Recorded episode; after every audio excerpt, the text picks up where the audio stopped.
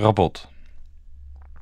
Afgelopen vrijdag bezocht ik het filmfestival in Gent voor de première van de documentaire Rabot.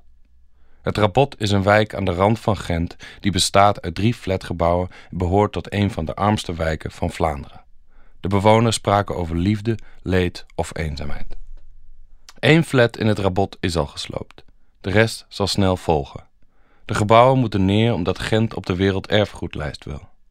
Cultureel erfgoed en sociale woningbouw gaan kennelijk slecht samen. In de documentaire zaten drugsverslaafden, autisten, bejaarden, manisch-depressieven en gehandicapten. De mensen leken geplaagd te worden door het leven en niet door intelligentie. Maar ik was te voorbarig. Een bewoner zei: Ik ben niet geboren om rijk begraven te worden. Vervolgens trok hij glimlachend een fles wijn open. Een andere bewoner zong: Ik ben een arme mus, een hongerleier dus. Zelfs van de armen krijgen de mussen geen brood meer, volgens die man. Ook was er een vrouw te zien met een voorliefde voor een dieet van bier en sigaretten. Die riep: God is black, God is the devil, I don't believe in God, I believe in white people, I'm from Gent. De vrouw kwam uit Ghana, maar dat wilde ze niet horen. Haar man zei dat het bier en de sigaretten haar een hoop ellende hadden bespaard. Er werd om gegniffeld in de zaal. Ook werd er een man met één been geïnterviewd. Het leven liet hem letterlijk struikelen. Je zag hem hannissen met zijn krukken en toen viel hij met een klap tegen een glazen deur. Het kwam onverwacht tussen alle ernst. Probeerde men lach te onderdrukken. In de hele zaal hoorde je protesterende lichamen van mensen die liever niet wilden lachen. Na de film gingen de lichten aan. Regisseuse Christina van der Kerkhoven en haar producent klommen het podium op. Een aantal bewoners bleek in de zaal te zitten. Van der Kerkhoven wees ze aan.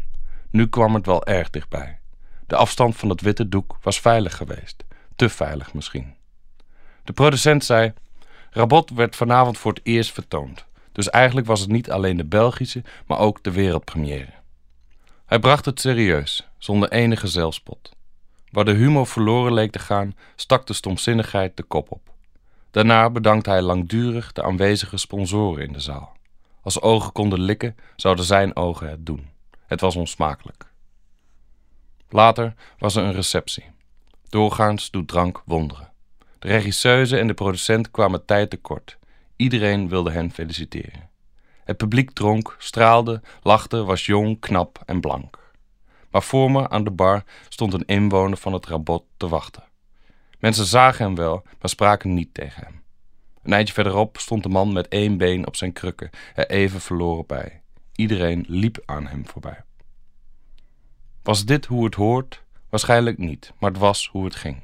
De bewoners waren gebruikt en werden daarna weer aan hun lot overgelaten. Het publiek had gegluurd om vervolgens aangeschoten terug naar huis te kunnen keren. Maar je kunt ook moeilijk een heel flatgebouw in je huis nemen.